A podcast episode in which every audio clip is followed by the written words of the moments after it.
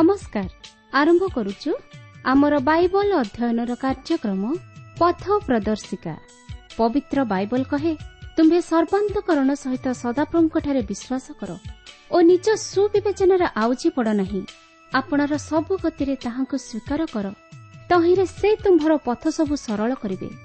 ଆସନ୍ତୁ ସେହି ପଥ ପ୍ରଦର୍ଶକଙ୍କର ସନ୍ଧାନ ପାଇବା ନିମନ୍ତେ ଶୁଣିବା ବେତାର କାର୍ଯ୍ୟକ୍ରମ ପଥ ପ୍ରଦର୍ଶିକା।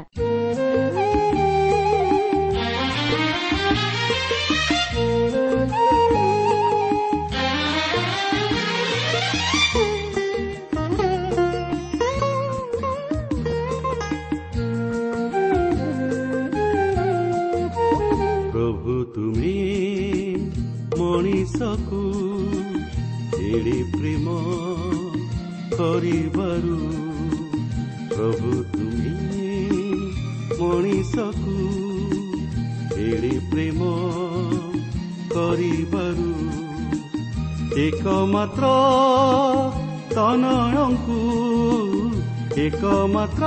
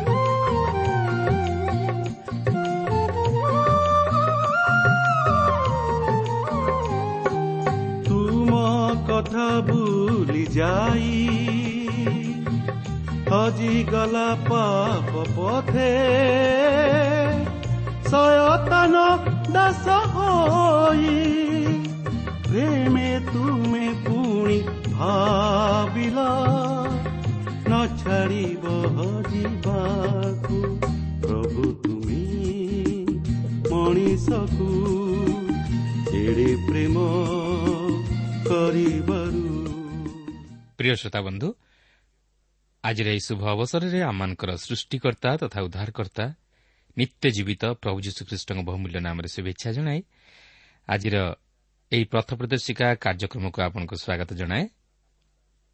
ଆପଣ ଆପଣଙ୍କର ବହୁମୂଲ୍ୟ ସମୟ ଦେଇ ଆଜିର ଏହି କାର୍ଯ୍ୟକ୍ରମ ଶୁଣିବା ନିମନ୍ତେ ରେଡିଓ ପାଖରେ ଅପେକ୍ଷା କରି ବସିଥିବାର ଜାଣି ଆମେ ବିଶେଷ ଖୁସି। ପ୍ରଭୁଙ୍କ ନାମକୁ ଧନ୍ୟବାଦ ଦେଉ କେବଳ ସେତିକି ନୁହେଁ ଆପଣଙ୍କର ଆତ୍ମିକ ଜୀବନର ଅଭିବୃଦ୍ଧି ନିମନ୍ତେ ମଧ୍ୟ ଆମେ ପ୍ରାର୍ଥନା କରୁଅଛୁ। ଆଉ ସେହି ପ୍ରଭୁ ଯୀଶୁ ନିଶ୍ଚିତ ଭାବରେ ଆପଣଙ୍କର ମନୋବାଞ୍ଛା ପୂର୍ଣ୍ଣ କରି ସେ ଆପଣଙ୍କୁ ସେହି ଅନନ୍ତ ଜୀବନର ଅଧିକାରୀ କରାଇବେ। ଆପଣ ଏହି କାର୍ଯ୍ୟକ୍ରମ ନିୟମିତ ଶୁଣିବା ସଙ୍ଗେ ସଙ୍ଗେ ଅନ୍ୟମାନଙ୍କୁ ମଧ୍ୟ ଶୁଣାଇବାରେ ସାହାଯ୍ୟ କରନ୍ତୁ ଆଉ ସେମାନଙ୍କୁ ମଧ୍ୟ ଆମ ସହ ପତ୍ର ମାଧ୍ୟମରେ ଯୋଗାଯୋଗ କରିବା ନିମନ୍ତେ ଉତ୍ସାହିତ କରନ୍ତୁ। ଆସନ୍ତୁ ତାହେଲେ ପ୍ରଭୁଙ୍କର ବାକ୍ୟ ମଧ୍ୟକୁ ଯିବା ପୂର୍ବରୁ ସଂକ୍ଷେପରେ ପ୍ରାର୍ଥନା କରିବା। ପବିତ୍ର ପ୍ରଭୁ ତୁମର ପବିତ୍ର ନାମ ଧନ୍ୟବାଦ କରୁଛି ସୁନ୍ଦର ସମୟ ପାଇଁ। ପ୍ରଭୁ ତୁମେ ତୁମର ବାକ୍ୟ ମଧ୍ୟ ଦେଇ ଆଜି ଆମମାନଙ୍କ ସହିତ କଥା କୁହ।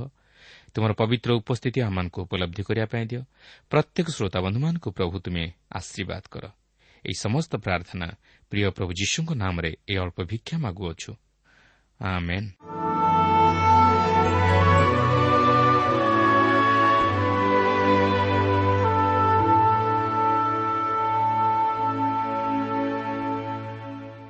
ଆସନ୍ତୁ ବର୍ତ୍ତମାନ ଆମେ ଈଶ୍ୱରଙ୍କର ବାକ୍ୟ ମଧ୍ୟକୁ ଯିବା ଆଜି ଆମେ ଝିଅସିଅ ପୁସ୍ତକର ଏଗାର ପର୍ବର ପ୍ରଥମ ପଦରୁ ଆରମ୍ଭ କରି ତେର ପର୍ବର ତେତିଶ ପଦ ପର୍ଯ୍ୟନ୍ତ ଅଧ୍ୟୟନ କରିବା ନିମନ୍ତେ ଯିବା। ତେବେ ଏହି ପର୍ବରେ ଆମେ ଝିଅସିଓଙ୍କର କିଣାନ୍ ଦେଶର ଉତ୍ତରାଞ୍ଚଳକୁ ଅଧିକାର କରିବା ବିଷୟ ନେଇ ଅଧ୍ୟୟନ କରିବାକୁ ଯିବା। ଏଥିପୂର୍ବରୁ ଆମେ ଦେଖିସାରିଛୁ ଯେ ଝିଅସିଓ ଦକ୍ଷିଣାଞ୍ଚଳକୁ ଅଧିକାର କରିଥିଲେ। ମାତ୍ର ଏହାପରେ ସେ ଉତ୍ତରାଞ୍ଚଳକୁ ଅଧିକାର କରିବା ପାଇଁ ଯାଉଅଛନ୍ତି ଓ ଏହାପରେ ଦେଶ ଯୁଦ୍ଧରୁ ବିଶ୍ରାମ ପାଉଛି। ଦେଖନ୍ତୁ ଏଗାର ପର୍ବର ପ୍ରଥମ ପଦରୁ ଛଅ ପଦ ମଧ୍ୟରେ ଏହିପରି ଲେଖା ଅଛି। ଅନନ୍ତର ହାତ୍ସୋରର ରାଜା ଜାବିନ୍ ସେହି ବିଷୟ ଶୁଣନ୍ତେ ସେ ମାଦୋନ୍ର ରାଜା ଜୋବବ ଓ ସିମ୍ରଣର ରାଜା ଓ ଅକ୍ସଫର ରାଜା ନିକଟକୁ ପୁଣି ଉତ୍ତର ଦେଶୀୟ ପର୍ବତରେ ଓ କିନ୍ନେରତର ଦକ୍ଷିଣସ୍ଥ ପଦାଭୂମିରେ ଓ ତଳଭୂମିରେ ଓ ପଶ୍ଚିମସ୍ଥ ଦୋର ନାମକ ଉପପର୍ବତରେ ଥିବା ରାଜଗଣ ନିକଟକୁ ଅର୍ଥାତ୍ ପୂର୍ବ ଓ ପଶ୍ଚିମ ଦେଶୀୟ କିଣାନୀୟମାନଙ୍କ ଓ ଇମରୀୟମାନଙ୍କ ଓ ହିତୀୟମାନଙ୍କ ଓ ପିରିସୀୟମାନଙ୍କ ଓ ପର୍ବତସ୍ଥ ଜିବୁସୀୟମାନଙ୍କ ଓ ହର୍ମଣର ଅଧସ୍ଥିତ ମିସ୍ପି ଦେଶୀୟ ହିଦୀୟମାନଙ୍କ ନିକଟକୁ ଲୋକ ପଠାଇଲେ। ତେବେ ସେମାନେ ଆପଣା ଆପଣା ସୈନ୍ୟ ସହିତ ଅପାର ଲୋକ ସମୁଦ୍ର ତୀରସ୍ଥ ବାଲୁକାତୁଲ୍ୟ ଲୋକାରଣ୍ୟ ହୋଇ ଅନେକ ଅନେକ ଅଶ୍ୱ ଓ ରଥ ସଙ୍ଗେ ନେଇ ବାହାର ହେଲେ। ପୁଣି ଏ ସମସ୍ତ ରାଜା ଏକତ୍ର ମିଳିଲେ ଓ ଇସ୍ରାଏଲ୍ ସହିତ ଯୁଦ୍ଧ କରିବା ପାଇଁ ଆସି ମେରମ୍ ନାମକ ଜଳାଶୟ ନିକଟରେ ଛାଉଣି ସ୍ଥାପନ କଲେ। ତେଣୁ ସଦାପ୍ରଭୁ ଝିଅଶୁଙ୍କୁ କହିଲେ ସେମାନଙ୍କ ସମ୍ମୁଖରେ ଭୀତ ନ ହୁଅ। କାରଣ କାଲି ଏହି ସମୟରେ ଆମେ ସେ ସମସ୍ତଙ୍କୁ ଇସ୍ରାଏଲ୍ ସମ୍ମୁଖରେ ହତ କରି ସମର୍ପଣ କରିବା।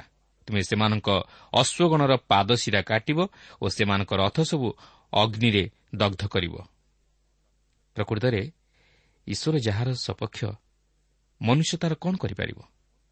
ଦେଖନ୍ତୁ ହାତସରର ରାଜା ଜାବିନ୍ ଅନେକ ରାଜାଙ୍କୁ ଏକତ୍ର କରି ଯୁବଶୀଙ୍କ ବିରୁଦ୍ଧରେ ଯୁଦ୍ଧ କରିବାକୁ ଉଠିଲେ। ମାତ୍ର ସେମାନେ ବିଫଳ ହେଲେ। କାରଣ ଈଶ୍ୱର ଯୁବଶୀ ଓ ଇସ୍ରାଏଲ୍ ସନ୍ତାନଗଣର ସହିତରେ ଥିଲେ। ତାଛଡ଼ା ଈଶ୍ୱର ସେମାନଙ୍କୁ ସେହି ଦେଶ ସେମାନଙ୍କର ଅନନ୍ତକାଳୀନ ଅଧିକାର ରୂପେ ଦେଇଥିବାରୁ ସେ ତାହାଙ୍କର ପ୍ରତିଜ୍ଞା ରକ୍ଷା କରିବାକୁ ଯାଇ ଇସ୍ରାଏଲ୍ ସନ୍ତାନଗଣକୁ ସେମାନଙ୍କର ଶତ୍ରୁମାନଙ୍କ ଉପରେ ଜୟ ପ୍ରଦାନ କରୁଅଛନ୍ତି। ଏଠାରେ ଏହି ଯେଉଁ ସମସ୍ତ ଅଞ୍ଚଳ ଉଲ୍ଲେଖ କରାଯାଏ ଏହା ସବୁ କିଣାନ ଦେଶର ଉତ୍ତରାଞ୍ଚଳ ଥିଲା। ଏଠାରେ ଆପଣ ଦେଖିବେ ଈଶ୍ୱର ଜିହୋସିଓଙ୍କ ସପକ୍ଷରେ ରହି ଯୁଦ୍ଧ କରୁଅଛନ୍ତି। ଛଅ ପଦରେ ସେ ଜିହୋସିଓଙ୍କୁ ଉତ୍ସାହ ପ୍ରଦାନ କରି କହନ୍ତି ଜିହୋସିଓ ତୁମେ ଭୟ କର ନାହିଁ କାରଣ ଆମ୍ଭେ ସେମାନଙ୍କୁ ତୁମ୍ଭ ହସ୍ତରେ ସମର୍ପଣ କରିବା।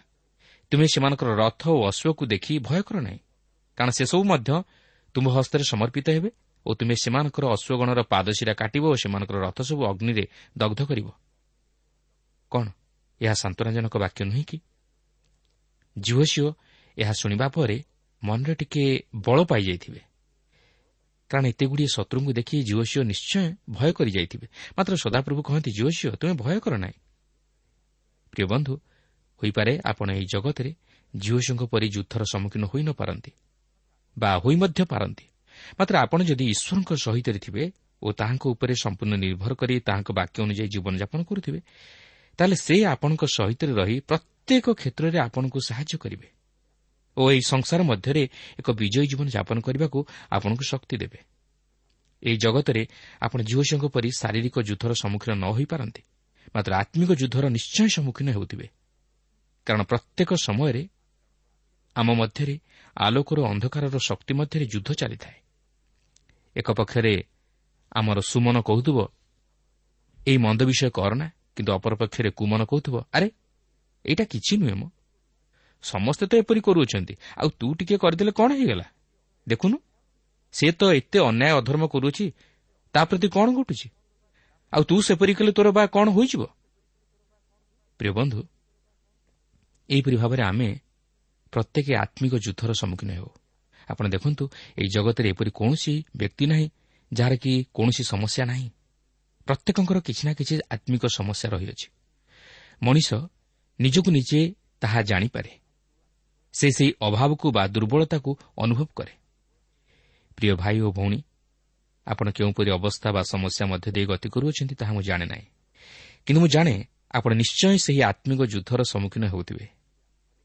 ଆପଣ ଅନେକ ଥର ଚେଷ୍ଟା କରୁଛନ୍ତି ସେହି ଯୁଦ୍ଧରେ ଜୟୀ ହେବା ପାଇଁ ମାତ୍ର ପାରୁନାହାନ୍ତି। ଆପଣ ଅନେକ ଥର ଚେଷ୍ଟା କରୁଛନ୍ତି ସେହି ଭୁଲଟି ନ କରିବା ପାଇଁ ମାତ୍ର କରିଦେଉଛନ୍ତି। ଆପଣ ଅନେକ ଥର ଚେଷ୍ଟା କରୁଛନ୍ତି ନିଜର ମନ୍ଦ ଅଭ୍ୟାସକୁ ଛାଡ଼ିବା ପାଇଁ ମାତ୍ର ପାରୁନାହାନ୍ତି। ଆପଣ ଅନେକ ଥର ଚେଷ୍ଟା କରୁଅଛନ୍ତି ନିଜ ଶରୀରର କୁପ୍ରବୃତ୍ତିଗୁଡ଼ାକ ଉପରେ ଜୟଲାଭ କରିବା ପାଇଁ ମାତ୍ର ପାରୁନାହାନ୍ତି। ଆପଣ ଅନେକ ଥର ପାପ ନ କରିବା ପାଇଁ ଚାହୁଁଛନ୍ତି ମାତ୍ର ପାରୁନାହାନ୍ତି। ବାସ୍ତବରେ ଆମେ ଆମ ନିଜ ଶକ୍ତିରେ ସେହି ଯୁଦ୍ଧରେ କେବେ ହେଲେ ଜୟୀ ହୋଇପାରିବା ନାହିଁ।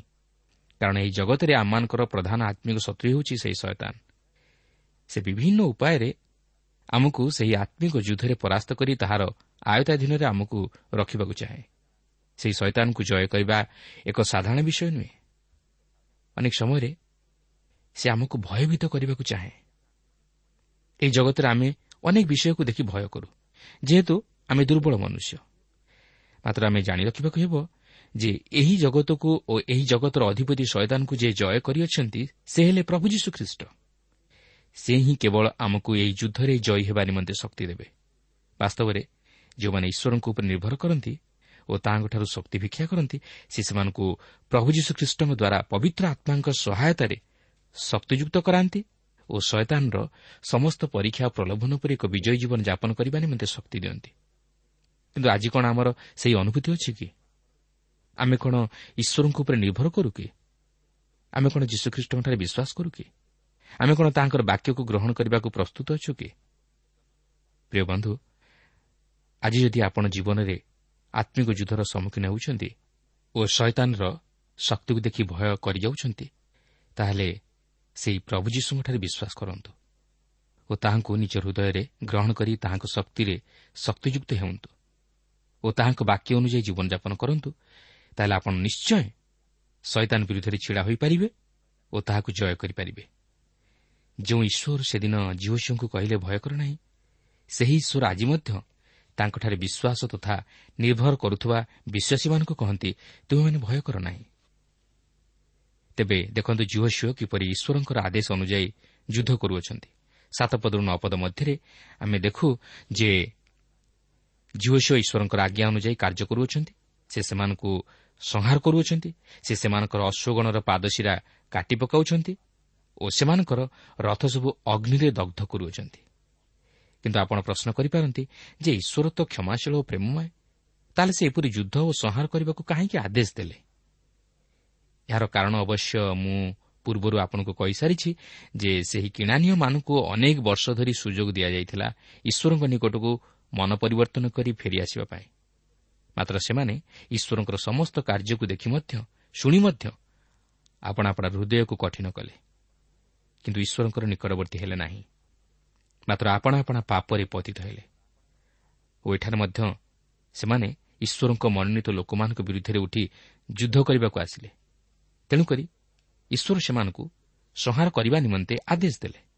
ଆଉ ଠିକ୍ ସେହିପରି ସେ ମଧ୍ୟ ଚାହାନ୍ତି ଆମେ ଯେପରି ଶୟତାନର କାର୍ଯ୍ୟକୁ ସମୂଳେ ଆମ ଜୀବନରୁ ନିପାତ କରୁ। ସେ ଚାହାନ୍ତି ନାହିଁ ଆମେ ଯେପରି ଶୟତାନର ଶକ୍ତି ଉପରେ ନିର୍ଭର କରୁ ବା ତାହାର ଶକ୍ତିର ସହାୟତା ନେଇ କୌଣସି କାର୍ଯ୍ୟ କରୁ ସେ ଚାହାନ୍ତି ନାହିଁ ଆମେ ଯେପରି ଜଗତର କୌଣସି ଶକ୍ତି ଉପରେ ନିର୍ଭର କରୁ ମାତ୍ର ସମ୍ପୂର୍ଣ୍ଣ ଈଶ୍ୱରଙ୍କ ଉପରେ ନିର୍ଭର କରୁ ଓ ତାହାଙ୍କର ଆଦେଶ ଅନୁଯାୟୀ କାର୍ଯ୍ୟ କରୁ। କ'ଣ ଝିଅ ଝିଅ ଚାହିଁଥିଲେ ସେମାନଙ୍କର ସେହି ଅଶ୍ୱମାନଙ୍କୁ ବା ରଥମାନଙ୍କୁ ରଖି ଯୁଦ୍ଧରେ ବ୍ୟବହାର କରିପାରିନଥାନ୍ତେ କିନ୍ତୁ ସେ ତାହା କଲେ ନାହିଁ। କାରଣ ଈଶ୍ୱରଙ୍କର ଆଦେଶ ଥିଲା ସେସବୁକୁ ସମୂଳେ ନିପାତ କରିବା ପାଇଁ। ଆଉ ଝିଅ ଝିଅ ମଧ୍ୟ ଠିକ୍ ସେହିପରି ଈଶ୍ୱରଙ୍କ ଆଦେଶ ଅନୁଯାୟୀ କାର୍ଯ୍ୟ କଲେ। କାରଣ ତାହାଙ୍କର ନିର୍ଭରତା ଥିଲା ଈଶ୍ୱରଙ୍କ ଉପରେ କିନ୍ତୁ ଜଗତର ଶକ୍ତି ଉପରେ ନୁହେଁ। ପ୍ରିୟ ବନ୍ଧୁ ଆଜି ଆମମାନଙ୍କ ନିର୍ଭରତା କାହା ଉପରେ ଅଛି? କ'ଣ ଜଗତର ଧନ ସମ୍ପତ୍ତି ନା ନିଜର ବଳ ବା ଶକ୍ତି ବା ଜ୍ଞାନ ଉପରେ? କିନ୍ତୁ ଆମର ନିର୍ଭରତା ଯଦି ଈଶ୍ୱରଙ୍କ ଉପରେ ନାହିଁ ଓ ଆମେ ଈଶ୍ୱର ବିହୀନ ଜୀବନଯାପନ କରୁଅଛୁ ତାହେଲେ ଜାଣି ରଖିବାକୁ ହେବ ଯେ ଆମେ କେବେ ହେଲେ ଏହି ଜଗତରେ ଏକ ବିଜୟୀ ଜୀବନ ଯାପନ କରିପାରିବା ନାହିଁ କି ସେହି ଆତ୍ମିକ ଯୁଦ୍ଧରେ ଜୟୀ ହୋଇପାରିବା ନାହିଁ। ଏଠାରେ ମଧ୍ୟ ଆମକୁ ଆଉ ଏକ ଶିକ୍ଷା ମିଳେ ଯେ ଆମେ ଈଶ୍ୱରଙ୍କର ପ୍ରେରିତ ଲୋକମାନଙ୍କୁ ବା ତାହାଙ୍କର ଭକ୍ତ ଦାସମାନଙ୍କୁ ବା ତାହାଙ୍କର ସେବକ ତଥା ସେବିକାମାନଙ୍କୁ ସାଦରେ ଗ୍ରହଣ କରିବା ଉଚିତ। ସେମାନଙ୍କ ପ୍ରତି ଆତିଥ୍ୟ ସତ୍କାର ପ୍ରଦର୍ଶନ କରିବା ଉଚିତ। କିନ୍ତୁ ଆମେ ଯଦି ଈଶ୍ୱରଙ୍କ ଭକ୍ତ ତଥା ସେବକମାନଙ୍କ ବିରୁଦ୍ଧରେ କଥା କହୁ ବା ସେମାନଙ୍କ ପ୍ରତି ଅକର୍ତ୍ତବ୍ୟ କରୁ ବା ସେମାନଙ୍କୁ ବିନାଶ କରିବାକୁ ଚାହୁଁ ତାହେଲେ ଆମେ ନିଜେ ବିନାଶ ପ୍ରାପ୍ତ ହେବା। ଯେହେତୁ ଈଶ୍ୱର ସେମାନଙ୍କର ସପକ୍ଷରେ ଛିଡ଼ା ହୁଅନ୍ତି। ତେଣୁ ଈଶ୍ୱରଙ୍କ ଲୋକମାନଙ୍କ ବିରୁଦ୍ଧରେ ହାତ ଉଠାଇବା ବା କଥା କହିବା ଠିକ୍ ନୁହେଁ। କାରଣ ତହିଁର ପ୍ରତିଫଳ ଆମକୁ ନିଶ୍ଚୟ ଭୋଗ କରିବାକୁ ହେବ। କାରଣ ଈଶ୍ୱର ତହିଁର ପ୍ରତିଶୋଧ ନେବେ। ତେଣୁ ଏହି ସମସ୍ତ ବିଷୟକୁ ମନ ମଧ୍ୟରେ ରଖି ନିଜକୁ ପ୍ରଶ୍ନ କରୁ ଯେ ବାସ୍ତବରେ ମୁଁ ଆଜି କାହା ସପକ୍ଷରେ ଛିଡ଼ା ହୋଇଛି? ଶୟତାନର ସପକ୍ଷରେ ନା ଈଶ୍ୱରଙ୍କର ସପକ୍ଷରେ? ଯଦି ଈଶ୍ୱରଙ୍କ ସପକ୍ଷରେ ତାହେଲେ ଅତି ଉତ୍ତମ କଥା। ନାହିଁ ଯଦି ଶୟତାନର ସପକ୍ଷରେ ତାହେଲେ ତହିଁରୁ ମନ ପରିବର୍ତ୍ତନ କରି ସେହି ବିନାଶ ଆସି ଉପସ୍ଥିତ ହେବା ପୂର୍ବରୁ ଈଶ୍ୱରଙ୍କ ନିକଟକୁ ଫେରିଆସୁ ତାହେଲେ ଆମେ ବାସ୍ତବରେ ଏହି ଜଗତରେ ଏକ ବିଜୟୀ ଜୀବନଯାପନ କରିବା ସଙ୍ଗେ ସଙ୍ଗେ ସେହି ଅନନ୍ତ ଜୀବନରେ ପ୍ରବେଶ କରିପାରିବା। ଏହାପରେ ଏହି ଏଗାର ପର୍ବର ଦଶ ପଦରୁ ସତର ପଦ ମଧ୍ୟରେ ଆମେ ଦେଖିବାକୁ ପାରୁ ଯେ ଜିଓସିଓ ସେମାନଙ୍କର ସେହିସବୁ ନଗରକୁ ହସ୍ତଗତ କରି ସେମାନଙ୍କର ପ୍ରତ୍ୟେକଙ୍କୁ ବର୍ଜିତ ରୂପେ ବିନାଶ କଲେ ଓ ସେ ଈଶ୍ୱରଙ୍କର ଆଦେଶ ଅନୁଯାୟୀ କାର୍ଯ୍ୟ କରି ତାଙ୍କର ଶତ୍ରୁମାନଙ୍କୁ ସମୂଳେ ବିନାଶ କଲେ। କାରଣ ସେ ଈଶ୍ୱରଙ୍କ ଅଭିମତକୁ ସଫଳ କରିବାକୁ ଚାହିଁଥିଲେ।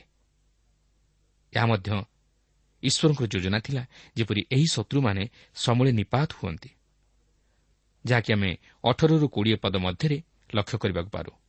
ଆପଣ ଦେଖନ୍ତୁ ଗିବିୟନୀୟମାନେ ଇସ୍ରାଏଲ୍ ସହିତ ସନ୍ଧି କରି ରକ୍ଷା ପାଇଲେ। ହଁ ସେମାନେ ଯଦିଓ ଛଳନା କରି ଏହି ପ୍ରକାର କରିଥିଲେ ମାତ୍ର ସେମାନେ ଇସ୍ରାଏଲ୍ ଲୋକମାନଙ୍କ ସହିତ ଯୁଦ୍ଧ କରିବାକୁ ଚାହିଁନଥିଲେ। ସେମାନେ ସେମାନଙ୍କ ସହିତ ଶାନ୍ତି ପ୍ରତିଷ୍ଠା କରିବାକୁ ଚାହିଁଥିଲେ। ତଥାପି ସେମାନେ ସେମାନଙ୍କ କର୍ମର ସମୁଚିତ ଫଳ ଭୋଗ କଲେ। କିନ୍ତୁ ଏଠାରେ ଏହି ଲୋକମାନେ ଅର୍ଥାତ୍ ଏହି ଉତ୍ତରାଞ୍ଚଳର ଲୋକମାନେ ଇସ୍ରାଏଲ୍ ଲୋକମାନଙ୍କ ସହିତ ଯୁଦ୍ଧ କରିବାକୁ ସେମାନଙ୍କ ବିରୁଦ୍ଧରେ ଉଠିବାରୁ ସମୂଳେ ବିନଷ୍ଟ ହେଲେ। ଏହା ହିଁ ଥିଲା ଈଶ୍ୱରଙ୍କର ଯୋଜନା। ଏଠାରେ ଆମକୁ ଏହି ଶିକ୍ଷା ମିଳେ ଯେ ଶୟତାନର ପରାଜୟ ଅଛି। ସେ ନିଶ୍ଚୟ ଈଶ୍ୱରଙ୍କ ଲୋକମାନଙ୍କ ବିରୁଦ୍ଧରେ ଉଠିବ ମାତ୍ର ସେ ପରାଜିତ ହେବ। ଯେଉଁମାନେ ଈଶ୍ୱରଙ୍କ ଉପରେ ଓ ତାହାଙ୍କ ଅଦ୍ୱିତୀୟ ପ୍ରିୟ ପୁତ୍ର ପ୍ରଭୁ ଯୀଶୁଖ୍ରୀଷ୍ଟଙ୍କଠାରେ ବିଶ୍ୱାସ କରନ୍ତି ସେମାନଙ୍କ ବିରୁଦ୍ଧରେ ଯଦିଓ ସେ ଉଠିବ ମାତ୍ର ସେ କେବେ ହେଲେ ଜୟୀ ହୋଇପାରିବ ନାହିଁ। କାରଣ ଶୟତାନର ଶକ୍ତିଠାରୁ ଈଶ୍ୱରଙ୍କ ଶକ୍ତି ମହାନ୍ ଓ ଈଶ୍ୱର ତାହାଙ୍କ ଲୋକମାନଙ୍କୁ ଶକ୍ତି ଦେବେ ସେହି ଶୟତାନର ଶକ୍ତି ଉପରେ ଜୟଯୁକ୍ତ ଜୀବନଯାପନ କରିବା ପାଇଁ। ତେଣୁ ଆମେ ଶୈତାନର ଶକ୍ତି ଉପରେ ନିର୍ଭର ନ କରି ଈଶ୍ୱରଙ୍କ ଉପରେ ନିର୍ଭର କରି ଓ ପ୍ରଭୁ ଯୀଶୁଖ୍ରୀଷ୍ଟଙ୍କଠାରେ ବିଶ୍ୱାସ କରି ତାହାଙ୍କ ଶକ୍ତିରେ ବଳବାନ ହେବାକୁ ଚେଷ୍ଟା କରୁ। ଏହାପରେ ଏକୋଇଶରୁ ତେଇଶ ପଦ ମଧ୍ୟରେ ଆମେ ଦେଖୁ ଯେ ଜିଓସିଓ ଆହୁରି ଅନେକ ରାଜ୍ୟ ଅଧିକାର କରି ତାହାଙ୍କର ଶତ୍ରୁମାନଙ୍କୁ ଦମନ କଲେ ଓ ଦେଶ ଯୁଦ୍ଧରୁ ବିଶ୍ରାମ ପାଇଲା। ପ୍ରିୟ ବନ୍ଧୁ ପ୍ରଭୁ ଯୀଶୁ ଆମମାନଙ୍କୁ ସେହି ଶୟତାନ ହସ୍ତରୁ ଉଦ୍ଧାର କରି ଓ ସମସ୍ତ ସମସ୍ୟାରୁ ଆମକୁ ଉଦ୍ଧାର କରି ସେହି ବିଶ୍ରାମ ଦେବା ପାଇଁ ଚାହାନ୍ତି। ସେଥିପାଇଁ ସେ କହନ୍ତି ହେ ପରିଶ୍ରାନ୍ତ ଭାରଗ୍ରସ୍ତ ଲୋକ ସମସ୍ତେ ମୋ ନିକଟକୁ ଆସ ମୁଁ ତୁମମାନଙ୍କୁ ବିଶ୍ରାମ ଦେବି। ପ୍ରିୟ ବନ୍ଧୁ ଆପଣ ଯଦି ଏହି ଜଗତର ସମସ୍ତ ନୈରାଶ୍ୟତା ଦୁଃଖ ଓ ଅଶାନ୍ତି ତଥା ଜଞ୍ଜାଳରୁ ଓ ସେହି ପାପର ବୋଝରୁ ବିଶ୍ରାମ ପାଇବାକୁ ଚାହାନ୍ତି ତାହେଲେ ପ୍ରଭୁ ଯୀଶୁଙ୍କ ନିକଟକୁ ଯାଆନ୍ତୁ। ସେ ଆଜି ମଧ୍ୟ ଆପଣଙ୍କୁ ଏହି ଆହ୍ୱାନ ଦିଅନ୍ତି। ଆପଣ ବିଶ୍ୱାସର ସହିତ ତାହାଙ୍କର ନିକଟବର୍ତ୍ତୀ ହୁଅନ୍ତୁ ଓ ନିଜର ପାପରୁ ଉଦ୍ଧାର ପାଇ ବିଶ୍ରାମ ପାଆନ୍ତୁ। ବର୍ତ୍ତମାନ ଆମେ ପବିତ୍ର ବାଇବଲ ମଧ୍ୟରୁ ଝିଅ ସେ ପୁସ୍ତକ ତମର ବାର ପର୍ବଟିକୁ ଅଧ୍ୟୟନ କରିବା ନିମନ୍ତେ ଯିବା। କିନ୍ତୁ ଏହି ବାର ପର୍ବର ପ୍ରତ୍ୟେକଟି ପଦକୁ ଆମେ ପାଠ କରିବା ପାଇଁ ଯିବା ନାହିଁ। କିନ୍ତୁ ଏହାର କେତେକ ମୁଖ୍ୟ ଅଂଶ ଉପରେ ଆମେ ଟିକେ ଦୃଷ୍ଟିପାତ କରିବା। ତାଛଡ଼ା ଏହି ବାର ପର୍ବଟି ଅଧ୍ୟୟନ କରିବା ସମୟରେ ଆପଣଙ୍କୁ ସେତେ ଭଲ ନ ଲାଗିପାରେ କାରଣ ଏହି ପର୍ବରେ କେବଳ ରାଜାମାନଙ୍କ ବିଷୟରେ ଉଲ୍ଲେଖ କରାଯାଇଅଛି ଯେଉଁ ରାଜାମାନଙ୍କୁ କି ଝିଅ ପରାସ୍ତ କରି ସେମାନଙ୍କର ଦେଶ ଅଧିକାର କରିଥିଲେ। ତେଣୁ ଆମେ ଏହି ପର୍ବଟିକୁ ସମ୍ପୂର୍ଣ୍ଣ ଅଧ୍ୟୟନ କରିବାକୁ ଯିବା ନାହିଁ ମାତ୍ର ଏହାର ମୁଖ୍ୟ ବିଷୟ ଉପରେ ଆମେ ଟିକେ ଦୃଷ୍ଟି ଦେବା। ତେବେ ବାର ପର୍ବର ପ୍ରଥମ ପଦରୁ ଛଅ ପଦ ମଧ୍ୟରେ ଆମେ ଦେଖୁଛୁ ଯେ ଜର୍ଦ୍ଦନ ନଦୀର ପୂର୍ବ ପାରି ଅଞ୍ଚଳକୁ ମୂଷା ଓ ଇସ୍ରାଏଲ୍ ସନ୍ତାନଗଣ ଯୁଦ୍ଧ କରି ଜୟ କରିଥିଲେ ଓ ସେହି ସମସ୍ତ ଅଞ୍ଚଳ ଅଧିକାର କରିଥିଲେ। ମୂଷା ଓ ଇସ୍ରାଏଲ୍ ସନ୍ତାନଗଣ ହିଜବୋନ୍ ନିବାସୀ ଇମୋରିୟମାନଙ୍କ ସିହୋନ୍ ରାଜାକୁ ଓ ତାହାର ଅଞ୍ଚଳକୁ ଓ ବାସନୀୟ ଓଗ୍ ରାଜାକୁ ଓ ତାହାର ଅଞ୍ଚଳକୁ ଅଧିକାର କଲେ ଓ ସେହି ସମସ୍ତ ଦେଶରେ ବସବାସ କରିବା ପାଇଁ ସଦାପ୍ରଭୁଙ୍କ ସେବକ ମୂଷା ଇସ୍ରାଏଲ୍ ସନ୍ତାନଗଣ ବଂଶ ମଧ୍ୟରୁ ରୁବେନୀୟ ଗାଦୀୟ ଓ ମନସୀର ଅର୍ଦ୍ଧବଂଶକୁ ତାହା ଦେଲେ ଯାହାକି ଆମେ ଏଥିପୂର୍ବରୁ ପାଠ କରିସାରିଛୁ କିନ୍ତୁ ଏହି ବାର ପର୍ବର ସାତ ପଦଠାରୁ ଚବିଶ ପଦ ମଧ୍ୟରେ ଆମେ ଦେଖିବାକୁ ପାରୁଛୁ ଯେ ଜର୍ଦ୍ଦନ ଏପାରି ପଶ୍ଚିମ ଦିଗରେ ଜିଓସିଓ ଓ ସମସ୍ତ ଇସ୍ରାଏଲ୍ ସନ୍ତାନଗଣ ଯୁଦ୍ଧ କରି ସମସ୍ତ ଅଞ୍ଚଳ ଓ ତହିଁର ରାଜାମାନଙ୍କୁ ଅଧିକାର କଲେ। ଓ ଏହି ସମସ୍ତ ଅଞ୍ଚଳକୁ ଅଧିକାର କରି ତହିଁରେ ବସବାସ କରିବା ପାଇଁ ଜିଓସିଓ ସ୍ୱ ସ୍ୱ ବିଭାଗାନୁସାରେ ଇସ୍ରାଏଲ୍ ବଂଶମାନଙ୍କୁ ଦେଲେ ଓ ଜିଓସିଓ ସର୍ବସୁଦ୍ଧା ଏକତିରିଶ ଜଣ ରାଜାଙ୍କୁ ପରାସ୍ତ କରି ସେମାନଙ୍କର ଦେଶକୁ ଅଧିକାର କରିଥିଲେ। ତେବେ ସେହି ରାଜାମାନଙ୍କ ବିଷୟରେ ଏହି ବାର ପର୍ବରେ ଲିଖିତ ହୋଇଛି ଆପଣଙ୍କୁ ବର୍ତ୍ତମାନ ମୁଁ ଗୋଟି ଗୋଟି କରି କହିବାକୁ ଯାଉନାହିଁ ମାତ୍ର ଆପଣ ଆପଣଙ୍କର ବ୍ୟକ୍ତିଗତ ବାଇବଲ ଅଧ୍ୟୟନ ସମୟରେ ଘରେ ପାଠ କରିନେବେ କିନ୍ତୁ ଏହି ସମସ୍ତ ବିଷୟ ଯଦିଓ ଆମକୁ ସେତେ ଗୁରୁତ୍ୱପୂର୍ଣ୍ଣ ବୋଲି ମନେ ହୁଏ ନାହିଁ ମାତ୍ର ଏଥିରୁ ମଧ୍ୟ ଆମକୁ ଅନେକ ମହତ୍ୱପୂର୍ଣ୍ଣ ଶିକ୍ଷା ମିଳେ କାରଣ ଧର୍ମଶାସ୍ତ୍ର ଏକ ଇତିହାସ ପୁସ୍ତକ ନୁହେଁ ମାତ୍ର ଏହା ଆମର ଦିଗଦର୍ଶକ ଈଶ୍ୱର ଯେତେବେଳେ ତାହାଙ୍କ ଲୋକମାନଙ୍କ ଦ୍ୱାରା ଏହି ବାକ୍ୟ ଆମମାନଙ୍କ ନିକଟରେ ପ୍ରକାଶ କରନ୍ତି ଏହାର ଅର୍ଥ ନୁହେଁ ଯେ ଈଶ୍ୱର ଆମକୁ ଇତିହାସ ଜଣାନ୍ତି ବା ଈଶ୍ୱର ତାହାଙ୍କର ବାହାଦୁରୀକୁ ପ୍ରକାଶ କରନ୍ତି। ମାତ୍ର ଆମମାନଙ୍କର ଆତ୍ମିକ ଜୀବନର ଉପକାର ନିମନ୍ତେ ଏହି ସମସ୍ତ ବିଷୟ ପ୍ରକାଶ କରନ୍ତି। ତେଣୁ ଈଶ୍ୱର ପ୍ରତ୍ୟେକଟି କ୍ଷୁଦ୍ର ତଥା ମହାନ ବିଷୟକୁ ଆମମାନଙ୍କ ନିକଟରେ ପ୍ରକାଶ କରନ୍ତି ଯେପରି ଆମେ ମଧ୍ୟ ପ୍ରତ୍ୟେକ ବିଷୟରେ ତାହାଙ୍କର ଇଚ୍ଛା ଓ ଅଭିମତ ଲୋଡ଼ି କାର୍ଯ୍ୟ କରି ତାହାଙ୍କର ମହିମା ପ୍ରକାଶ କରୁ। କାରଣ ଈଶ୍ୱର ଆମର ପ୍ରତ୍ୟେକଟି ବିଷୟକୁ ନିରୀକ୍ଷଣ କରନ୍ତି ଓ ସେ ଆମର ପ୍ରତ୍ୟେକଟି ବିଷୟକୁ ଲେଖି ରଖନ୍ତି। ଏଠାରେ ଯେଉଁ ରାଜାମାନଙ୍କ ବିଷୟରେ ଉଲ୍ଲେଖ କରାଯାଇଅଛି ସେମାନେ କିଛି ଉତ୍ତମ ରାଜା ନଥିଲେ କି କିଛି ଉତ୍ତମ କର୍ମ କରିନଥିଲେ ବରଂ ସେମାନେ ଇସ୍ରାଏଲ୍ ସନ୍ତାନଗଣ ବିରୁଦ୍ଧରେ ଯୁଦ୍ଧ କରିଥିଲେ ସେମାନଙ୍କର ପ୍ରତିରୋଧ କରିଥିଲେ। ତଥାପି ସେମାନଙ୍କ ବିଷୟ ଧର୍ମଶାସ୍ତ୍ରରେ ସ୍ଥାନ ପାଏ କାରଣ ଈଶ୍ୱର ଆମର ପ୍ରତ୍ୟେକ ଭଲ ଓ ମନ୍ଦ କର୍ମକୁ ଦୃଷ୍ଟି ଆଗରେ ରଖନ୍ତି। ସେ ଆମର ପ୍ରତ୍ୟେକଟି କର୍ମକୁ ଲେଖି ରଖନ୍ତି। ତାଙ୍କ ନିକଟରେ ଦୁଇଟି ପୁସ୍ତକ ରହିଅଛି ଗୋଟିଏ ହେଲା ଜୀବନ ପୁସ୍ତକ ଓ ଆଉ ଗୋଟିଏ ହେଲା କର୍ମର ପୁସ୍ତକ। ପ୍ରିୟ ବନ୍ଧୁ ଆପଣ ଯଦି ପ୍ରଭୁ ଯୀଶୁଙ୍କଠାରେ ବିଶ୍ୱାସ କରି ତାହାଙ୍କୁ ନିଜ ହୃଦୟରେ ଉଦ୍ଧାରକର୍ତ୍ତା ରୂପେ ଗ୍ରହଣ କରିଛନ୍ତି ତାହେଲେ ଜାଣି ରଖନ୍ତୁ ଆପଣଙ୍କର ନାମ ସେହି ଜୀବନ ପୁସ୍ତକରେ ଲିଖିତ ହୋଇଅଛି। ଓ ଆପଣ ସେହି ଅନନ୍ତ ଜୀବନର ଅଧିକାରୀ ହୋଇଅଛନ୍ତି। ଏହାପରେ ସେହି କର୍ମର ପୁସ୍ତକ ମଧ୍ୟ ଅଛି ଯେଉଁଥିରେ କି ଆପଣଙ୍କର ପ୍ରତ୍ୟେକଟି କର୍ମ ଲିଖିତ ହୋଇ ରହିଅଛି ଓ ଆପଣ ଆପଣଙ୍କର କର୍ମ ନେଇ ମଧ୍ୟ ତହିଁର ପ୍ରତିଫଳ ଭୋଗ କରିବେ। ଉତ୍ତମ କର୍ମ କରିଥିଲେ ଉତ୍ତମ ଫଳ ପ୍ରାପ୍ତ ହେବେ ମାତ୍ର ମନ୍ଦ କର୍ମ କରିଥିଲେ ତହିଁର ପ୍ରତିଫଳ ଭୋଗ କରିବେ। ତେଣୁ ଏଥିପ୍ରତି ସତର୍କ ରୁହନ୍ତୁ। କାରଣ ପ୍ରକାଶିତ ବାକ୍ୟ ବାଇଶ ପର୍ବର ବାରପଦରେ ଲେଖା ଅଛି ଦେଖ ଆମେ ଶୀଘ୍ର ଆସୁଅଛୁ। ପ୍ରତ୍ୟେକ ଲୋକକୁ ତାହାର କର୍ମାନୁସାରେ ଫଳ ଦେବାକୁ ଆମ୍ଭର ପୁରସ୍କାର ଆମ୍ଭ ସଙ୍ଗରେ ଅଛି। ତେଣୁ ପ୍ରିୟ ବନ୍ଧୁ ମନେ ରଖନ୍ତୁ ଆମେ ଆମର କର୍ମ ଅନୁଯାୟୀ ତହିଁର ଫଳ ପ୍ରାପ୍ତ ହେବାକୁ ଅଛି। ଭାବନ୍ତୁ ନାହିଁ ଆପଣ ଯାହା କିଛି କରି ମରିଗଲେ ଆପଣ ତରିଗଲେ ବୋଲି। କାରଣ ମୃତ୍ୟୁ ପରେ ମଧ୍ୟ ଆମମାନଙ୍କର ବିଚାର ରହିଅଛି। ଯେହେତୁ ମୃତ୍ୟୁରେ ଆମର ଜୀବନର ପରିସମାପ୍ତି ଘଟେ ନାହିଁ। ମାତ୍ର ଆମେ ଏକ ଆତ୍ମିକ ରାଜ୍ୟରେ ପ୍ରବେଶ କରୁ। କାରଣ ଆତ୍ମା ହେଉଛି ଅମର ଓ ଈଶ୍ୱର ତାହାଙ୍କର ନିରୂପିତ ଦିନରେ ଆମ ପ୍ରତ୍ୟେକଙ୍କର ବିଚାର କରିବାକୁ ଯାଉଅଛନ୍ତି। ଏଠାରେ ମଧ୍ୟ ଆମକୁ ଆଉ ଏକ ଶିକ୍ଷା ମିଳେ ଯେ ଅନେକ ସମୟରେ ଛୋଟ ଛୋଟ ବିଷୟକୁ ଆମେ ଗୁରୁତ୍ୱ ନ ଦେଇ ସେହି ସମସ୍ତ ବିଷୟକୁ ଈଶ୍ୱରଙ୍କ ନିକଟରେ ଉପସ୍ଥାପିତ କରିନଥାଉ ଆମେ ଭାବୁ ଯେ ଏହା ଈଶ୍ୱରଙ୍କୁ ଜଣାଇବା ଆବଶ୍ୟକ ନାହିଁ। କିନ୍ତୁ ସେପରି କରିବା ଉଚିତ ନୁହେଁ। ଈଶ୍ୱର ଆମର ଛୋଟ ବଡ଼ ପ୍ରତ୍ୟେକଟି ବିଷୟରେ ହସ୍ତକ୍ଷେପ କରିବା ପାଇଁ ଚାହାନ୍ତି ଓ ସେ ଚାହାନ୍ତି ଆମେ ଯେପରି ପ୍ରତ୍ୟେକଟି ବିଷୟ ତାହାଙ୍କୁ ଜଣାଉ ଓ ପ୍ରତ୍ୟେକ ବିଷୟରେ ତାହାଙ୍କର ଇଚ୍ଛା ଲୋଡ଼ି କାର୍ଯ୍ୟ କରୁ। ଚିନ୍ତା କରନ୍ତୁ ଯଦି ଏହି ସମସ୍ତ କ୍ଷୁଦ୍ର ବିଷୟ ଈଶ୍ୱର ଆମମାନଙ୍କ ନିକଟରେ ଉପସ୍ଥାପିତ କରିଅଛନ୍ତି ଯାହାକୁ ଆମେ ବିଶେଷ ଗୁରୁତ୍ୱ ବୋଲି ଭାବି ନ ଥାଉ ତାହେଲେ ସେ କ'ଣ ଆମର ପ୍ରତ୍ୟେକଟି ବିଷୟକୁ ନିରୀକ୍ଷଣ କରି ତାହା ଲେଖି ରଖୁନଥିବେ କି? ହଁ ନିଶ୍ଚୟ। କାରଣ ଆମର କୌଣସି ବିଷୟ ତାହାଙ୍କ ନିକଟରେ ଅଗୋଚର ନୁହେଁ। ତେଣୁ ପ୍ରିୟ ବନ୍ଧୁ ଆପଣଙ୍କର ପ୍ରତ୍ୟେକଟି ବିଷୟରେ ହୋଇପାରେ ଛୋଟ ହେଉ ବା ବଡ଼ ହେଉ ଈଶ୍ୱରଙ୍କ ନିକଟରେ ଜଣାଇବା ଉଚିତ ଓ ତାହାଙ୍କର ଇଚ୍ଛା ଲୋଡ଼ି କାର୍ଯ୍ୟ କରିବା ଉଚିତ। ଯେପରି ତଦ୍ୱାରା ଈଶ୍ୱର ଗୌରବ ଓ ମହିମା ପାଆନ୍ତି। କାରଣ ସେ ତାହା ହିଁ ଆମ ପ୍ରତ୍ୟେକ ଜୀବନରୁ ଆଶା କରନ୍ତି। ତେବେ ଏହିଠାରେ ଆମେ ବାର ପର୍ବଟିକୁ ଅଧ୍ୟୟନ କରି ସମାପ୍ତ କଲେ। ମାତ୍ର ଏହାପରେ ଆମେ ତେର ପର୍ବଟିକୁ ଅଧ୍ୟୟନ କରିବା ପାଇଁ ଯିବା। ଏହି ତେର ପର୍ବରେ ଆମେ ଦେଖିବାକୁ ଯିବା ଯେ ଜିଓ ଝିଅ ତାହାଙ୍କର ମୃତ୍ୟୁ ପୂର୍ବରୁ ସେହି ଜର୍ଦ୍ଦନର ପୂର୍ବାଞ୍ଚଳ ରୁବେନ୍ ଗାଦ ଓ ମନସୀର ଅର୍ଦ୍ଧବଂଶକୁ ଅଧିକାର ସ୍ୱରୂପେ ସ୍ଥାୟୀକରଣ କରନ୍ତି ଓ ଅନ୍ୟ ବଂଶଗୁଡ଼ିକୁ ଜର୍ଦ୍ଦନର ପରପାରିରେ ଅର୍ଥାତ୍ ପଶ୍ଚିମାଞ୍ଚଳରେ ସେମାନଙ୍କର ଅଧିକାର ସ୍ୱରୂପେ ସେହି ସମସ୍ତ ଦେଶଗୁଡ଼ିକର ସ୍ଥାୟୀକରଣ କରନ୍ତି।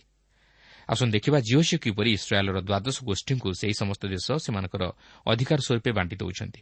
ତେର ପର୍ବର ପ୍ରଥମ ପଦରେ ଲେଖା ଅଛି ଏହି ସମୟରେ ଜିଓସିଓ ବୃଦ୍ଧ ଓ ଗତବୟସ୍କ ହୋଇଥିଲେ ପୁଣି ସଦାପ୍ରଭୁ ତାହାଙ୍କୁ କହିଲେ ତୁମେ ବୃଦ୍ଧ ଓ ଗତବୟସ୍କ ହେଲ ମାତ୍ର ଏବେ ହିଁ ବହୁତ ଦେଶ ଅଧିକାର କରିବାକୁ ଅବଶିଷ୍ଟ ଅଛି। ଆପଣ ଲକ୍ଷ୍ୟ କରନ୍ତୁ ଆମେ ଏହି ପୁସ୍ତକର ପ୍ରାୟ ଅଧାଅଧି ଅଂଶକୁ ଚାଲିଆସିଛୁ ଏଠାରେ ଜିଓସିଓ ବୃଦ୍ଧ ଓ ଗତବୟସ୍କ ହୋଇଯାଇଛନ୍ତି। ସେ ଆଉ ଅଧିକ ସମୟ ଇସ୍ରାଏଲ୍ର ନେତା ରୂପେ ସେମାନଙ୍କ ସହିତ ରହି ସେମାନଙ୍କୁ କଢ଼ାଇ ନେବାକୁ ଯାଉନାହାନ୍ତି କାରଣ ସେ ଆଉ ଅଧିକ ସମୟ ବଞ୍ଚିପାରିବେ ନାହିଁ। ଈଶ୍ୱର ଯେଉଁ ଦେଶ ଅଧିକାର କରିବା ନିମନ୍ତେ ତାହାଙ୍କୁ ଇସ୍ରାଏଲ୍ର ନେତା ରୂପେ ମନୋନୀତ କରିଥିଲେ ତାହା ବର୍ତ୍ତମାନ ଧୀରେ ଧୀରେ ସମାପ୍ତ ହେବାକୁ ଯାଉଅଛି। ସେହି ଯୁଦ୍ଧର ପରିସମାପ୍ତି ଘଟିଅଛି ତଥାପି ଆହୁରି ଅନେକ ଦେଶ ଅଧିକାର କରିବା ନିମନ୍ତେ ବାକି ଅଛି। କିନ୍ତୁ ଜୋସିଙ୍କର କାର୍ଯ୍ୟକାଳ ସରିବାକୁ ବସିଲାଣି। ଓ ସେ ତାଙ୍କର କାର୍ଯ୍ୟରୁ ଅବସର ଗ୍ରହଣ କରିବେ। କିନ୍ତୁ ଏଠାରେ ଲକ୍ଷ୍ୟ କରିବାର ବିଷୟ ହେଉଛି ଯେ ଜିଓସିଓ ବର୍ତ୍ତମାନ ଗତବୟସ୍କ ହୋଇଯାଇଛନ୍ତି ଓ ସେ ସେହି ଦେଶକୁ ସେମାନଙ୍କ ମଧ୍ୟରେ ବାଣ୍ଟି ଦେଉଛନ୍ତି ଓ ବିଶେଷ କରି ମୋସା ସେହି ଗାଦୀୟ ରୁବେନୀୟ ଓ ମନୁଷ୍ୟର ଅର୍ଦ୍ଧବଂଶକୁ ଜର୍ଦ୍ଦନର ପୂର୍ବ ପାରିର ଯେଉଁ ଅଞ୍ଚଳ ଦେବାକୁ ସେମାନଙ୍କର ଅଧିକାର ସ୍ୱରୂପେ ଦେବାପାଇଁ ପ୍ରତିଜ୍ଞା କରିଥିଲେ ତାହା ଏଠାରେ ଜିଓସିଓ ତହିଁର ସ୍ଥାୟୀକରଣ କରନ୍ତି। ଏହାପରେ ପନ୍ଦର ପଦରୁ ଏକତିରିଶ ପଦ ମଧ୍ୟରେ ଆପଣ ଦେଖିବାକୁ ପାରିବେ ଯେ ଜିଓସିଓ ପ୍ରଥମେ ରୁବେନୀୟ ଗାଦୀୟ ଓ ମନୁଷ୍ୟର ଅର୍ଦ୍ଧବଂଶକୁ ଜର୍ଦ୍ଦନର ପୂର୍ବ ପାରିର ଅଞ୍ଚଳକୁ ସେମାନଙ୍କର ଅଧିକାର ସ୍ୱରୂପେ ସେମାନଙ୍କ ମଧ୍ୟରେ ବାଣ୍ଟି ଦିଅନ୍ତି। ତେବେ ସେହି ପଦଗୁଡ଼ିକ ବର୍ତ୍ତମାନ ଆମେ ଆଉ ପାଠ କରିବା ପାଇଁ ଯିବା ନାହିଁ କାରଣ ସମୟର ଅଭାବ। କିନ୍ତୁ ଏଠାରେ ଆପଣ ଗୋଟିଏ ବିଷୟ ସ୍ମରଣ ରଖିବେ ଯେ ସେହି ଇସ୍ରାଏଲ୍ର ଦ୍ୱାଦଶ ବଂଶ ମଧ୍ୟରୁ ଲେବିୟ ବଂଶ ସେମାନଙ୍କର ଭାଇମାନଙ୍କ ସହିତ ଅଧିକାର ପାଇନଥିଲେ କାରଣ ସେମାନେ ଈଶ୍ୱରଙ୍କ ସେବା ନିମନ୍ତେ ସମ୍ପୂର୍ଣ୍ଣ ପୃଥକୀକୃତ ହୋଇଥିଲେ ଓ ଈଶ୍ୱର ସେମାନଙ୍କର ଅଧିକାର ଓ ବାଣ୍ଟ ସ୍ୱରୂପ ଥିଲେ।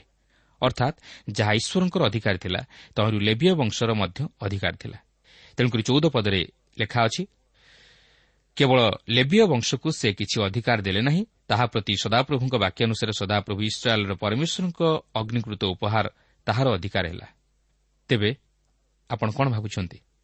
କ'ଣ ଲେବିୟ ବଂଶ ନିକୃଷ୍ଟ ବିଷୟ ପାଇଲେ? କେବେ ନୁହେଁ ସେମାନେ ସବୁଠାରୁ ଉତ୍କୃଷ୍ଟ ବିଷୟ ପାଇଲେ କାରଣ ସେମାନେ ଈଶ୍ୱରଙ୍କର ସେବକ ଥିଲେ। ଚିନ୍ତା କରନ୍ତୁ ଯଦି ଈଶ୍ୱରଙ୍କର ଅଧିକାର ସେମାନଙ୍କର ଅଧିକାର ମଧ୍ୟରେ ଗଣିତ ହେଲା ତାହେଲେ ତାହାଠାରୁ ଭଳି ଅଧିକ ବିଷୟ ଆଉ କ'ଣ ଥାଇପାରେ? ଯେହେତୁ ଯେଉଁମାନେ ଈଶ୍ୱରଙ୍କ ସେବକ ଈଶ୍ୱର ସେମାନଙ୍କୁ ଉତ୍କୃଷ୍ଟ ବିଷୟ ପ୍ରଦାନ କରନ୍ତି। ଏଠାରେ ଆଉ ଏକ ଗୁରୁତ୍ୱପୂର୍ଣ୍ଣ ବିଷୟ ଆପଣ ଲକ୍ଷ୍ୟ କରିବେ ଯେ ଯେଉଁ ଦେଶ ସବୁ ଇସ୍ରାଏଲ୍ ସନ୍ତାନଗଣ ଅଧିକାର କରିନଥିଲେ ସେହିସବୁ ଦେଶ ପୂର୍ବରୁ ସେହି ନଅ ବଂଶ ଓ ଅର୍ଦ୍ଧବଂଶକୁ ବାଣ୍ଟି ଦେବା ନିମନ୍ତେ ଈଶ୍ୱର ଜିଓସିଓଙ୍କୁ କହନ୍ତି ଯାହାକି ଜିଓସିଓ ତାଙ୍କର ସମୟ ମଧ୍ୟରେ ହସ୍ତଗତ କରିପାରି ନ ଥିଲେ କେବଳ ସେତିକି ନୁହେଁ ସେହି କିଣାନ୍ ଦେଶର ଅଧିକୃତ ଅଞ୍ଚଳ ମଧ୍ୟ ସେମାନଙ୍କ ମଧ୍ୟରେ ବାଣ୍ଟି ଦେଇଥିଲେ ଯାହାକି ଆମେ ଏହି ତେର ପର୍ବର ଦୁଇ ପଦରୁ ସାତ ପଦ ମଧ୍ୟରେ ଦେଖିବାକୁ ପାରୁଛୁ। କିନ୍ତୁ ଏହି ପର୍ବରେ ବିଶେଷ କରି ରୁବେନୀୟ ଗାଦି ଓ ମନସୀର ଅର୍ଦ୍ଧବଂଶକୁ ସେମାନଙ୍କର ବସବାସ ନିମନ୍ତେ ଅଧିକାର ସ୍ୱରୂପେ ସେମାନଙ୍କର ଦେଶ ବିଭାଗ କରି ବାଣ୍ଟି ଦିଆଯିବାର ଆମେ ଲକ୍ଷ୍ୟ କରୁଅଛୁ ଓ ଏହି ସମସ୍ତ ଅଞ୍ଚଳ ସେହି ଜର୍ଦ୍ଦନର ପୂର୍ବପାରିର ଅଞ୍ଚଳ ଥିଲା ଓ ମୋଷାଙ୍କ କହିବା ଅନୁଯାୟୀ ଜିଓସିଓ ସେମାନଙ୍କୁ ତାହା ଭାଗ କରିଦେଲେ। ତେଣୁକରି ବତିଶ ଓ ତେତିଶ ପଦରେ ଆମେ ଦେଖୁ ଯେ ମୋଷା ଯେଉଁପରି ଭାବରେ ଏହି ଦୁଇ ବଂଶକୁ ଓ ମନସୀର ଅର୍ଦ୍ଧବଂଶକୁ ଦେଶ ବିଭାଗ କରିଦେଇଥିଲେ ଜିଓସିଓ ସେହି ଅନୁସାରେ ସେମାନଙ୍କୁ ତାହା ବାଣ୍ଟି ଦେଇ ସେମାନଙ୍କର ଅଧିକାର ନିମନ୍ତେ ତାହା ସ୍ଥାୟୀକରଣ କଲେ। ମାତ୍ର ମୂଷା ଲେବିବଂଶକୁ କୌଣସି ଅଧିକାର ଦେଇନଥିବାରୁ ଜିଓସିଓ ମଧ୍ୟ ସେହି ଲେବିବଂଶକୁ ସେମାନଙ୍କ ଭାଇମାନଙ୍କ ଅଧିକାରରୁ କିଛି ଦେଲେ ନାହିଁ କାରଣ ସଦାପ୍ରଭୁ ଇସ୍ରାଏଲ୍ର ପରମେଶ୍ୱର ସେମାନଙ୍କ ପ୍ରତି ଆପଣ ବାକ୍ୟ ଅନୁସାରେ ସେମାନଙ୍କ ଅଧିକାର ଅଟନ୍ତି। ବାସ୍ତବରେ ଈଶ୍ୱର ତାଙ୍କର ପ୍ରତିଜ୍ଞାରେ ବିଶ୍ୱସ୍ତ। ଆଜି ମଧ୍ୟ ଆମେ ଯଦି ପ୍ରଭୁ ଯୀଶୁଙ୍କଠାରେ ବିଶ୍ୱାସ କରି ତାହାଙ୍କ ସହ ସଂଯୁକ୍ତ ଜୀବନଯାପନ କରୁ ତାହେଲେ ଆମେ ମଧ୍ୟ ସେହି ଆତ୍ମିକ ଆଶୀର୍ବାଦର ଅଧିକାରୀ ହୋଇପାରିବା ଓ ଅନନ୍ତକାଳ ସେହି ସ୍ୱର୍ଗୀୟ ସୁଖ ଶାନ୍ତି ତଥା ଆନନ୍ଦ ମଧ୍ୟରେ କାଳାତିପାତ କରିପାରିବା। ପ୍ରଭୁ ପ୍ରତ୍ୟେକଙ୍କୁ ଏହି ସଂକ୍ଷିପ୍ତ ଆଲୋଚନା ମଧ୍ୟ ଦେଇ ଆଶୀର୍ବାଦ କରନ୍ତୁ।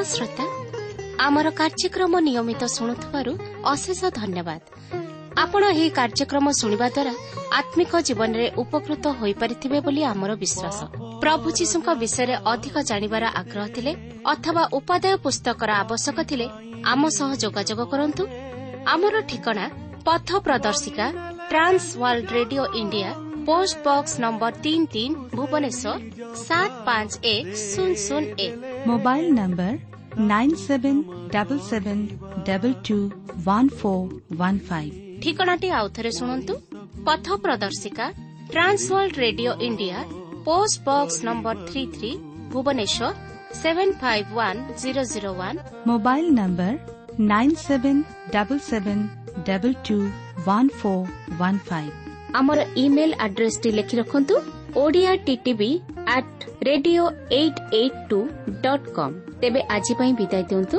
ନମସ୍କାର। ସ୍ୱରଗନନ୍ଦନ ଯୀଶୁ ତୁମ ଇଚ୍ଛା ସାଧିବାକୁ ମଣିଷର ରୂପ ନେଲେ।